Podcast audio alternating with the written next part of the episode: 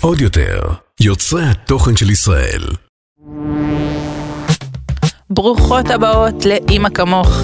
אני קרן איתן, ובפודקאסט הזה נגלה שאימהות אמיתיות הן לא מושלמות, ואימהות מושלמות הן ממש לא אמיתיות. שלום לכל האימהות המושלמות ולכל האימהות האמיתיות. אנחנו בפרק נוסף של אימא כמוך. רק לפני שנתחיל את הפרק של היום, יש לי המלצה חמה. הקיץ כבר מאחורינו, אבל החגים עוד לפנינו, וזה אומר עוד הרבה טיולים משפחתיים שבאים, איך לא, עם תמיד פקקים. אז במהלך הפקקים אה, לטיולים שעשינו באוגוסט, גילינו פטנט שעוזר לילדים לשבת בשקט יחסי, בוא נוריד ציפיות, יחסי בנסיעה, שזה הפודקאסט על הדרך. זה פודקאסט שאידיאלי להאזנה בדרך לטיול, אבל גם מתאים סתם ככה, בפקקים או בבית. אה, בכל פרק מתמקדים בטיול או ביעד מסוים, שזה גם ככה מה שאני עושה עם הילדים שלי, על כל דבר שעוברים בדרך, פעם מורה לשלח, תמיד מורה לשלח, ובואו, מתחת לכל אבן בארץ שלנו יש חתיכת היסטוריה, רק שהפודקאסט הזה, בניגוד למורה לשלח, קצת יותר מעניין ומותאם לילדים, הוא מצחיק, הוא קליל, בסוף כל פרק מגיע אפרים הפקח, שזה יניב ביטון שאתם מכירות מארץ נהדרת ומהיהודים באים. יש כבר 45 פרקים, מהחרמון ועד אילת, בכל פרק אתם בעצם בוחרות טיול שמתאים למשפחה שלכם, ושומעות סיפור שקשור אליו, כמו סיפור מותח על מרגלת חשאית בראש הנקרה. אה, הפרק בכרמל מדבר על אליהו הנביא, שאנחנו מספרות לילדים שלנו שהוא סבא חביב, אבל אה, בפרק הזה מגלים שהוא היה בחור די קשוח. והכל כמובן חינמי, מתאים לילדים בכל הגילאים וזמין להאזנה בכל אפליקציות הפודקאסטים. והיום אנחנו הולכות לדבר על מה זה הגן חיות הזה. אז לפני שאני אסביר מה זה הגן חיות הזה, ואני מדברת על הגן חיות שיש אצלי בבית, אני אגיד שלום לכל המאזינות החדשות שהצטרפו לפודקאסט הזה לאחרונה, אני קרן איתן.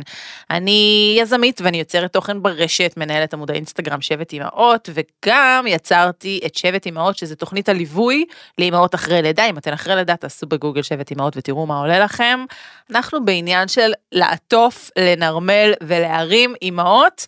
גם אחרי לידה וגם הרבה מאוד שנים אחרי, שהנה, תראו אותי שבע שנים אחרי לידה ועדיין מוח פירה, אז uh, זה בהחלט סטטוס מתמשך, ולכן אנחנו פה בפודקאסט הזה אומרות את כל האמת על חיי האימהות, וגם את הדברים שקצת פחות נעים לשמוע. והיום אנחנו יכולות לדבר על נושא שעולה אצלי מלא מלא מלא בסטורי באינסטגרם ויש עליו מלא שאלות תמיד ולכן החלטתי להתייחס אליו אחת אה, ולתמיד ואולי גם לגלות איזה משהו כזה שעד עכשיו לא ממש חשפתי בנושא וזה גן חיות שיש לי בבית וכשאני מדברת על גן חיות אני לא מדברת על בעלי והילדים למרות שזה גם סוג של ספארי לפעמים אה, אלא באמת על החיות שיש לנו. כרגע אנחנו במצב של מצבת חיות די נמוכה, אני חייבת לומר. יש לנו עכשיו שני כלבים, שאולי, שהוא בן 13 וחצי, וניסו, שהוא בן שנה וחצי. זה שני הכלבים, יש לנו שני נחשים. אל תשאלו אותי איך קוראים להם, זה לא מעניין אותי, אני מכחישה קשר אליהם. יש לנו ארנבת שחיה איתנו בבית, נכון לעכשיו, אה, קוראים לה נביטה, ואני אומרת נכון לעכשיו כי לפני כן היו לנו 20 ארנבים שחיו בחצר, ועכשיו יש לנו אחת, ואנחנו תכף נדבר על אה, בית המטבחיים שגרם לנו אה, לעבור למצב הזה. יש לנו תוכי שהוא בלתי נסבל, והוא מחרבן לי בכל הבית, שקוראים לו טקטוק, ומה עוד יש לנו? זהו, אמרתי לכם שאנחנו במצבה נמוכה. היה לנו עוד לא מזמן צו, והיה לנו דגים, והיה לנו אוגרים, ו... אה, סליחה, איך שכחתי, יש לנו גם תרנגול. עכשיו, זה לא סתם תרנגול, זה תרנגול משי. אם תרנגול יכול לייצר לא תרנגול, תרנגולת נגיד יכולה לייצר ביצים, תרנגול משי זה חיה מיותרת לחלוטין, מי שראתה מואנה זה כמו היי היי ממואנה, בגלל זה גם לתרנגול משי שלנו קוראים היי היי, זה פרוותי, זה פלאפי, זה חמוד וזה מחרבן לי בכל המרפסת, ואני צריכה לשטוף את כל המרפסת אה, פעם בשבוע בשביל זה, אה, אז זה היי היי, היו שניים. אה, אחד, אה, השם ייקום דמו, לא שרד את החום של אוגוסט בחוץ, ומצאנו אותו גוסס אה, בחוץ איזה יום אחד, ואנחנו תכף נדבר גם על איך מתמודדים עם מוות של חיות. אז כל פעם שאני מעלה בסטורי את ערימת החיות הזאת שחיה לי בבית, אני מקבלת מלא תגובות של איך את מצליחה לחיות ככה. איך את חיה עם הלכלוך, עם, עם האחריות, גם בעלי שיחיה הרבה לא בבית, ויצא כבר כמה פעמים, גם לפני התרנגולים וגם לפני הצו, שהוא מביא חיה וטס. מביא אותה הביתה וטס לשבועיים נעלם ותתמודדי, וזה, אני לא בחרתי בסיטואציה הזאת, אבל אני בהחלט נאלצת להתמודד איתה. אז שואלים אותי איך אני מסכימה, ואיך אני זורמת עם זה, ומה אני עושה עם הלכלוך, ואיך הילדים, ואם הילדים בכלל משתתפים בטיפול של זה, ומה היתרונות של זה, ולמה בכלל להסכים, וכן, זה דבר שלפעמים מלכלך, והרבה פעמים מריח. אה, הכלבים שלי שיהיו בריאים, שאולי אה, כפרה עליו, הוא אצלנו מגיל אפס, והוא, כמו שאמרתי, נושק לגיל 14, והוא בריא ומתוק, אבל הוא מזדקן והוא מתחרש, ובחודשים האחרונים הוא כל לילה, סביב אחת וחצי כזה, מעיר אותנו שנוציא אותו החוצה. אה, מזל שאני לרוב נרדמת אה, חזרה מהר. אז כאילו יש כאן גם הרבה מאוד מחירים שאנחנו משלמים בסיפור הזה של אה, לגדל כל כך הרבה חיות בבית, ולמה לא להסתפק בכלב אחד, כמו אנשים נורמטיביים. אה, ואגב, לגבי חתולים, אני רק אגיד שאסף אלרגי לחתולים, אבל היה לנו שני ניסיונות עם חתולים, ובשניהם הוא הגיב בהתקף אסתמה מטורף. הוא לא אסמטי, כאילו התקף אלרגיה מטורף, אה, אבל בכל זאת ניסינו, כי כשאסף ואני הכרנו, היו לנו שני חתולים. אבל מסתבר שככל שאתה אה, מתבגר, יכולות להתפתח אצלך אלרגיות, או שזה קשור לפרווה של חתול, ופעמיים הבאתי חתול, וזה אה, גרם, כמעט איבדתי את בעלי, אז אנחנו ויתרנו על הקונספט הזה בינתיים, כרגע הילדים מפעילים הרבה מאוד לחץ על לקנות חתול כזה היפואלרגני כזה, שאין לו פרווה מהמלחיצים האלה, כמו שראו בחברים. אני לא בטוחה שאני... אוכל אה, לשרוד בבית עם יצור כל כך מלחיץ, מצד שני, יש לי שני נחשים בבית ואחד מהם ברח. יש לי מלא מלא מלא מלא מורקים על חיות, אז בואו נתחיל. נתחיל מזה שגם אני גדלתי בבית עם חיות. אני ממש זוכרת שהייתי ילדה קטנה, גרנו בפתח תקווה, אני זוכרת את המרפסת שירות שהייתה לנו, והיו שם אוגרים. אני זוכרת שהם נשכו אותנו, אה, ולכן אני זוכרת כמה זה הלחיץ אותי, ולכן הם נמסרו די מהר. אבל ברגע, בגיל עשר, אה, כשעברנו לעובדה, גרנו שנתיים בבסיס צבאי, ואימצנו כלבה.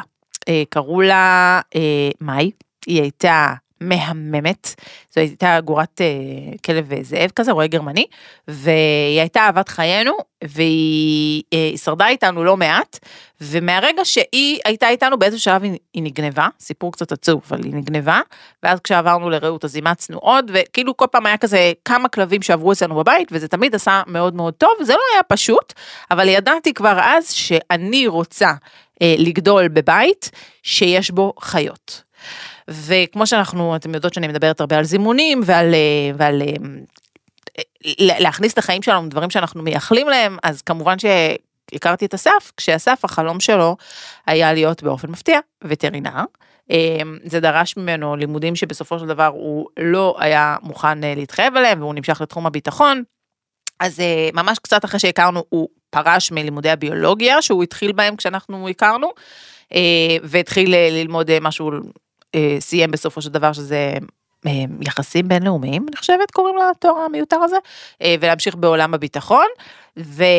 אבל כן, מדובר בבן אדם שמאוד מאוד אוהב חיות, ולא סתם התחתנתי איתו, הוא בעצמו היה תופס נחשים, אמא שלו עד היום מספרת מורקים שהיא הייתה פותחת, כשאני אומרת מורק, למי שלא ברור זה מורשת קרב, אני פשוט הייתי מורה חיילת, אז יש לי כל מיני כאלה ראשי תיבות אה, ששגורים אצלי, כאילו כולם יודעים מה זה. אז אה, היא מספרת שהיא הייתה פותחת את המגירה של הגרביים, והייתה מוצאת שם נחשים מגולגלים בתוך גרביים, והיה להם אה, כלוב תוכים, שהוא הביא שני תוכים ובנה בעצמו כלוב ענק בחצר שלהם ביבנה, והשני תוכים האלה הפכו להיות כמובן עשרות תוכים שהסריחו את כל החצר ועשו מלא מלא מלא רעש, והיה להם תוכי ג'אקו ענק כזה מהתוכים האלה של השישה קילו, שהיה קורא לו אבא, כאילו ברמה הזאת אסף הלך לצבא, ואז הוא היה חוזר הביתה. זה, זה סיפור שדרך אגב, אתם מכירים את הסיפורים האלה שמספרים בארוחות משפחתיות אחת לחודש?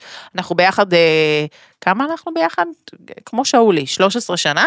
אז אה, אני חושבת שאחת לחודש אנחנו, אני שומעת את הסיפור הזה, כאילו, וכל פעם צריך להתנהג כאילו שמעתי אותו עכשיו בפעם הראשונה, זה היה, כשאסף היה בצבא, אז הוא היה חוזר סוף שבוע הביתה, והתוכי היה עושה אבא, אבא, אבא, והיה צריך לכסות אותו כדי שהוא יפסיק אה, לקשקש. בקיצור, היו להם הרבה מאוד חיות בבית, וכשאסף הכיר, ואני הכרנו, הבנתי שככה זה הולך להיות, הייתי מאוד מרוצה מזה, כשאני הגעתי הייתי כבר עם חתולה, קראו לה צומי, ועברנו לגור ביחד, היא איבדה את זה לגמרי, כי העברנו אותה בית וחתולים לא אוהבים שמעבירים אותם בתים, אה, בסופו של דבר אה, היא, היא לא איתנו, אבל אה, ממש הכרנו ואחרי שלושה חודשים עברנו לגור ביחד, וביום שעברנו לגור ביחד הבאנו איתנו את שאולי, שאולי, אימא שלו הייתה אצל אימא של אסף, אז הוא נולד ממש אולי חודש אחרי שאסף ואני הכרנו, וכבר היה כזה נורא ברור לאן זה הולך, ואמרנו שאנחנו לוקחים גור אחד, ובאמת חודשיים אחר כך שהוא סיים לינוק, לקחנו אותו אה, בנסיעה שתיזכר לי תמיד למעיין ברוך, אמא שלו גרה אז בצפון, לקחנו את אה, שאולי, אה, הוא היה גור קטן מתוק, כמובן שהוא הקיא עליי בדרך, הוא כלב כזה שמקיא בנסיעות, אז זו הייתה הכאה הראשונה, זה היה מאוד אה,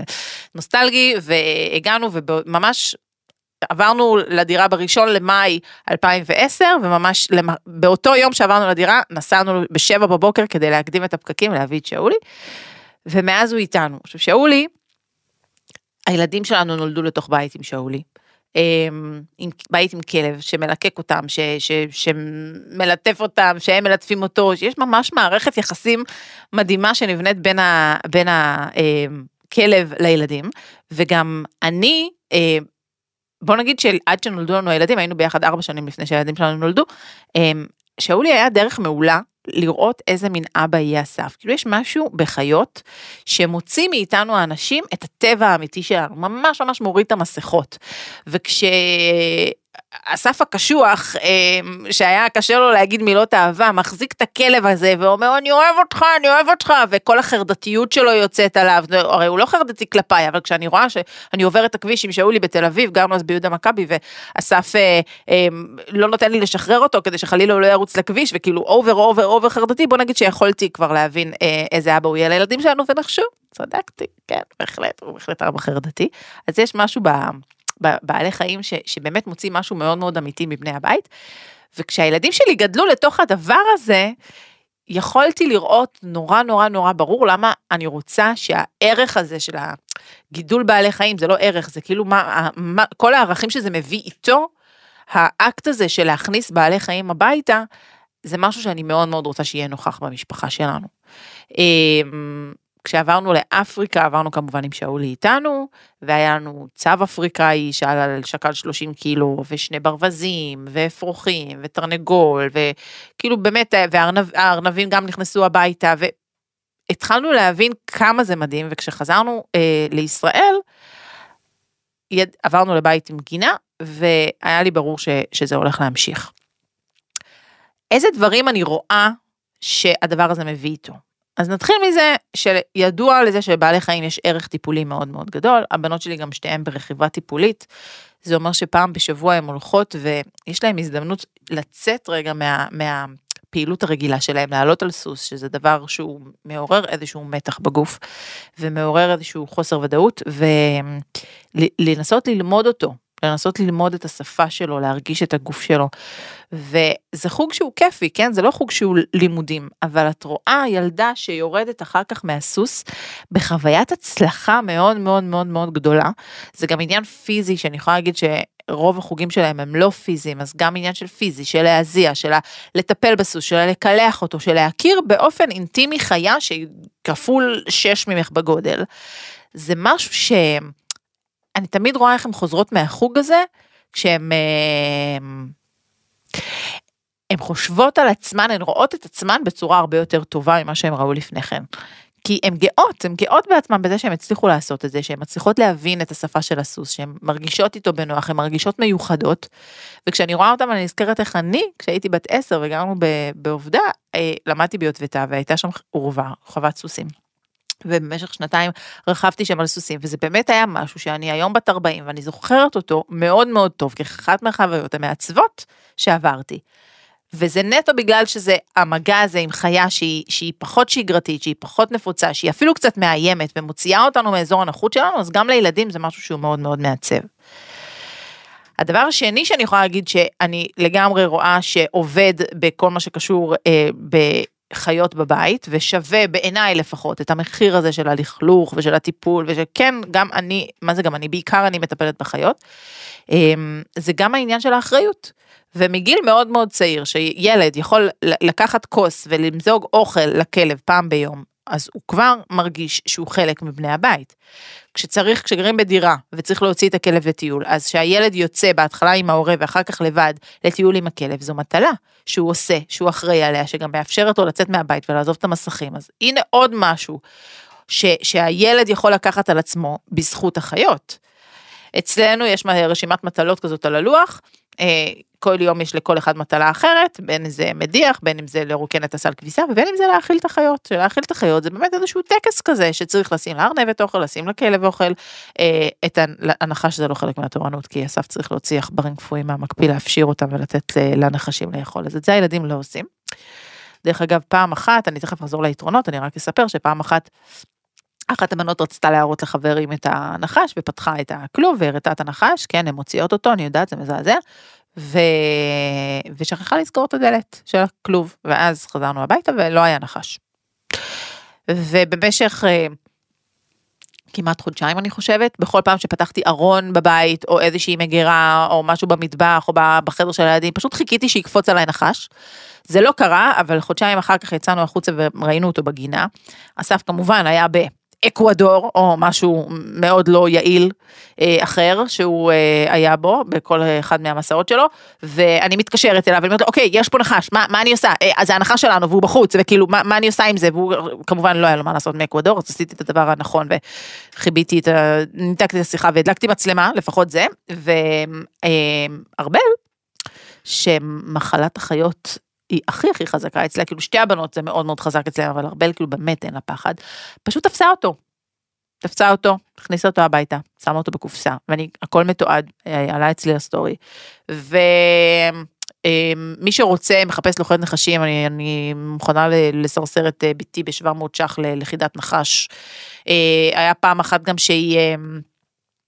התקשרו אליי הבנות לפני כמה חודשים ואמרו לי אמא אמא תפסנו אוגר לא עכבר תפסנו עכבר עכבר אנחנו רוצים לגדל אותו אנחנו רוצים לגדל אותו שמנו אותו בכלוב של התוכי. הוציאו את התוכי שמו את העכבר בכלוב באתי הביתה לא היה שם עכבר היה שם חולדה בתוך הכלוב חולדה הילדה תפסה חולדה ושמה אותה בתוך הכלוב של התוכי אז כאילו. אם אני חוזרת רגע למחיר הנפשי שאני משלמת כאן, היתרון הוא שהילדים גדלים באמת עם גישה מטורפת לכל סוגי בעלי החיים, גם אלה שאני לא רוצה לגדל, אבל האומץ והתחושת מסוגלות וה, וה, והאובדן הפחד, כמובן שיש לזה גם דברים שליליים, ונגיד ינאי כשהיינו הולכים בארגנטינה, בארגנטינה יש מלא מלא מלא מלא מלא מלא מלא כלבים, כאילו זה קטע שם שאני מתה עליו, שמלא אנשים מגדלים כלבים, ואתה הולך בפארק וכל הפארק מלא בכלבים, אז הוא כאילו, בגלל שהוא ילד שגדל עם מלא חיות בבית, היה הולך כל הזמן מלטף את הכלבים, והוא היה נורא קטן, הוא היה בן איזה ארבע, ולימדתי אותו להגיד, פואטה תוקר, אני יכול לגעת, לפני שאתה הולך ומחבק כלב זר בפארק, שנייה תשאל קודם כל אם אתה יכול לגדל אותו, אז כאילו, יש כאן גם חינוך שצריך לבוא עם זה, אבל העובדה הזאת שאין להם פחד, והעובדה הזאת שהם באמת מתמסרים בכזו קלות אה, ל, ל, לכל בעלי החיים, ואם אני חוזרת לעניין של האחריות, אז גם מתחברים ו, ועד כדי כך שהם רוצים לדאוג להם, וכמובן שהם לא ימותו, ושזה גם משהו שקורה הרבה, אז אה, זה משהו שמפתח אצלם הרבה מאוד אחריות ששווה בעיניי את המחירים.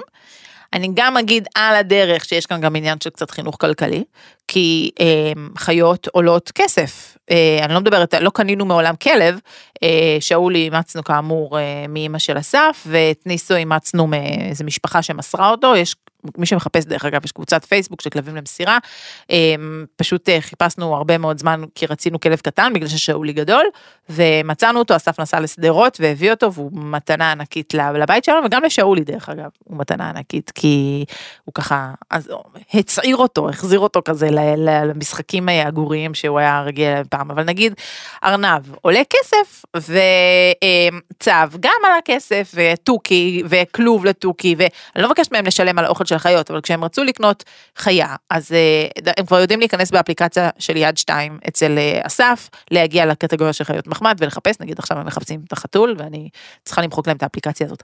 אז, אה, אז הם יודעים שהם משלמים מהדמי כיס שלהם, וכשמכרנו חיות, כן, למשל הארנבים, באיזשהו שלב היה לנו 20 ארנבים בחצר, ובאיזשהו שלב זה התחיל להיות צפוף מדי, ראיתי את זה כי הם הפסיקו לטפל בגורים שלהם. ארנבת זה חיה מאוד מאוד רגישה והיה כמה פעמים שהם הולידו והכל היה בסדר וככה ארנבים באמת התרבו והגיעו משניים לעשרים אבל באיזה שלב הם הפסיקו לטפל בגורים. אני פתחתי סניף של זקה שמתי אפוד צהוב כל יום הוצאתי גוויות של גורים של ארנבים מה, מהכלוב ואני חייבת להגיד שזה משהו שהוא מאוד מאוד קשה לי כן כי אני מבינה שזה חיות וזה חלק מהעסק וזה, אבל זה לא כיף לי כל היום לפנות גופות, גם אני, אני גם נקשרת קצת לחיות האלה, קצת הרבה, וזה כואב לי לראות אימא שלא מטפלת בגורים שלה, ואז אמרנו להם שצריך קצת לדלל, ואז באמת פרסמנו ביישוב, ובאו ולקחו, וכל ארנב עשרה שקלים, מוכרים אותם ביד שתיים בשלושים, אמרנו אנחנו לא מחפשים לעשות כאן כסף, אבל אתם טיפלתם בהם, אז כל ארנב שאנחנו מוסרים, אתם יכולים אה, להרוויח עליו עשרה שקלים, אז כאילו יש כאן גם עניין של חינוך כלכלי, של לדעת שאתה, שהדבר הזה עולה כסף. ואם כבר אנחנו מדברים על מוות, אז יש כאן גם התמודדות עם מוות. כי היום מי שמכניס, מי שהכניס את התרנגולת משי שלא שרדה, את אוגוסט, אה, עוד אחת מקורבנות אוגוסט. אמ, מי שהכניס אותה לשקית וזרק אותה זו ירדן. אמ, אותי זה הגעיל, כן? או היה לנו מקרה מאוד מאוד מצער. אני צריכה לכתוב ספר. היה לנו מקרה מאוד מאוד מצער עם האוגר. היו לנו שני אוגרים, ואחד מהם ברח, ולא מצאנו אותו הרבה זמן. ואז יום אחד פתחתי את המכונת כביסה והוצאתי כביסה והוא היה שם. אחרי שהמכונה עבדה. אז uh, הוא היה מאוד מאוד נקי, אבל uh, הוא כבר uh, לא היה איתנו, ומאוד מאוד הגעיל אותי להוציא אותו, וגם ירדן, ירדן ממש טובה בזה, באה עם שקית, הוציאה אותו. Uh, אז uh, אלה מדובר באמת בגורים מאוד מאוד מאוד קטנים של ארנבות, שאני עוד איכשהו יכולה להתמודד עם זה, אלא חיות כאלה ממש, אז, אז הילדים מפנים אותם. אז יש כאן התמודדות עם העובדה שיש כאן מחזור חיים שמתחיל ונגמר באיזשהו שלב, אצל חיות מסוימות המחזור חיים הזה הוא יותר קצר. Uh, ודרך אגב, כשהם לא מספיק אחראים, אז גם זה גורם לחיות או למות או להיעלם, נגיד תוכים, הטקטוקה, התוכית המיותרת הזאת שיש לנו עכשיו, יש, לנו, יש לי פשוט מקרמה בסלון והיא אוהבת לעמוד עליו ולחרבן לי על הקיר ו- ו- ועל הספה וזה בלתי נסבל. אז היה עוד תוכי, אפילו יותר חמוד, טקטוקית לא חמודה, היה עוד אחד. אה, ויום אחד הם השאירו את ה... צריך לגזור להם את הכנפיים כל כמה זמן כדי שהם לא יעופו, זה לא קורה. אף אחד לא גוזר להם את הכנפיים כי אנחנו מפחדים לעשות את זה והשאירו את החלון פתוח ו... והתוכי השני נעלם אז אה, אז כאילו ומאוד מאוד התבאסו כי הוא היה, התוכי החמוד.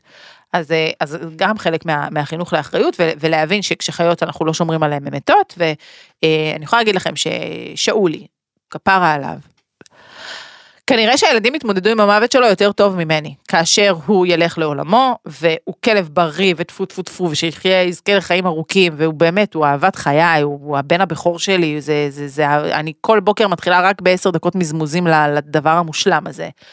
אבל כן, הוא בן 13 וחצי, וזה נורא מדובר בבית, אה, ש, שהוא לא יהיה איתנו לנצח, ברמה ש, שהילדים אומרים לי, כששאולי ימות, אז נביא כך וכך, ואני אומרת להם, אני לא מעוניינת לדבר על זה ששאולי ימות, שאולי איתנו כרגע, בואו, בואו שנייה נישאר ו, ונהנה מזה, אני לא חושבת כרגע קדימה, אין לי ספק שהם יתמודדו עם זה יותר טוב, למרות ש...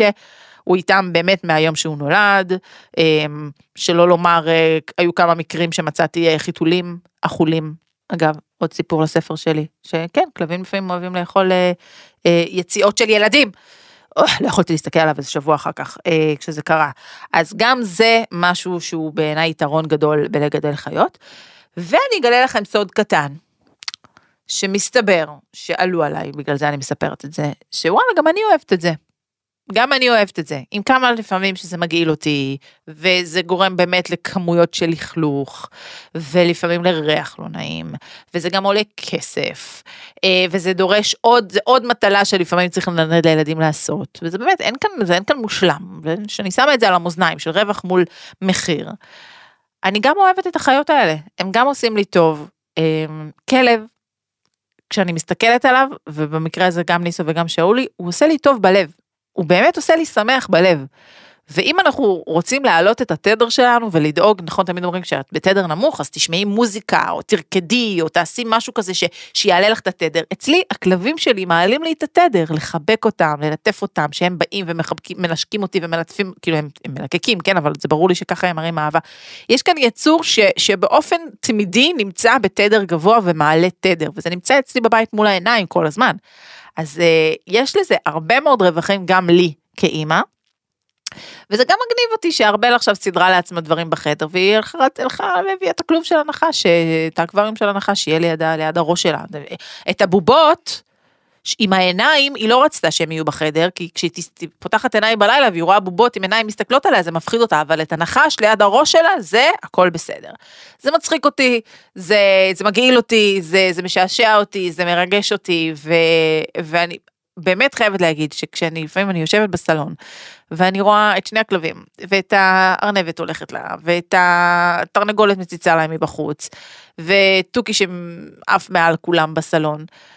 אפילו שהוא חרבן על הראש שבוע שעבר, טרו סטורי, um, כי יש לו משהו עם הגולגול שלי, הוא חושב שזה כן, אז הוא אוהב כזה לעוף בבית ואז לנחות לי על הגולגול, ובדרך כלל אני מעיפה אותו והוא חוזר ואני מעיפה אותו והוא חוזר, ופשוט שבוע שעבר לא העפתי אותו וזה עלה ב- בלשלשת על המצח, אז uh, כן, זה, זה לא תמיד נחמד, אבל יש בזה כל כך הרבה בנפיץ שאני מוצאת את עצמי מסתכלת על זה ואומרת וואלה, פעם חלמתי על מה שיש לי היום. פעם חלמתי על בית מלא חיות, אז עם כל המחירים ועם כל הלכלוך ועם כל החסרונות, זה באמת הגשמת חלום. אה, לחיות ככה, ושהילדים שלי גדלים ככה. אז זו הייתה התשובה המפורטת למה זה הגן חיות הזה ולמה את אה, מוכנה לגור איתו. אמ, ספרו לי מה חשבתם על זה, ספרו לי אם החלטתם לאמץ חיה אה, בזכות הפרק הזה, אז אני גם רוצה לדעת את זה שעשיתי משהו טוב בעולם. אם לכם יש חיות בבית ואתם מזדהות עם כל מה שאמרתי, מוזמנות גם לשתף אה, בסטורי את הפרק הזה שעוד ועוד אנשים יבואו ויאזינו, יאזינו לו ויגדלו ילדים מאושרים לצד חיות מטונפות. נתראה בפרק הבא של אמא כמוך. עוד יותר, יוצרי התוכן של ישראל. הוקלט באולפני אדיו, המשווקת את ספוטיפיי בישראל.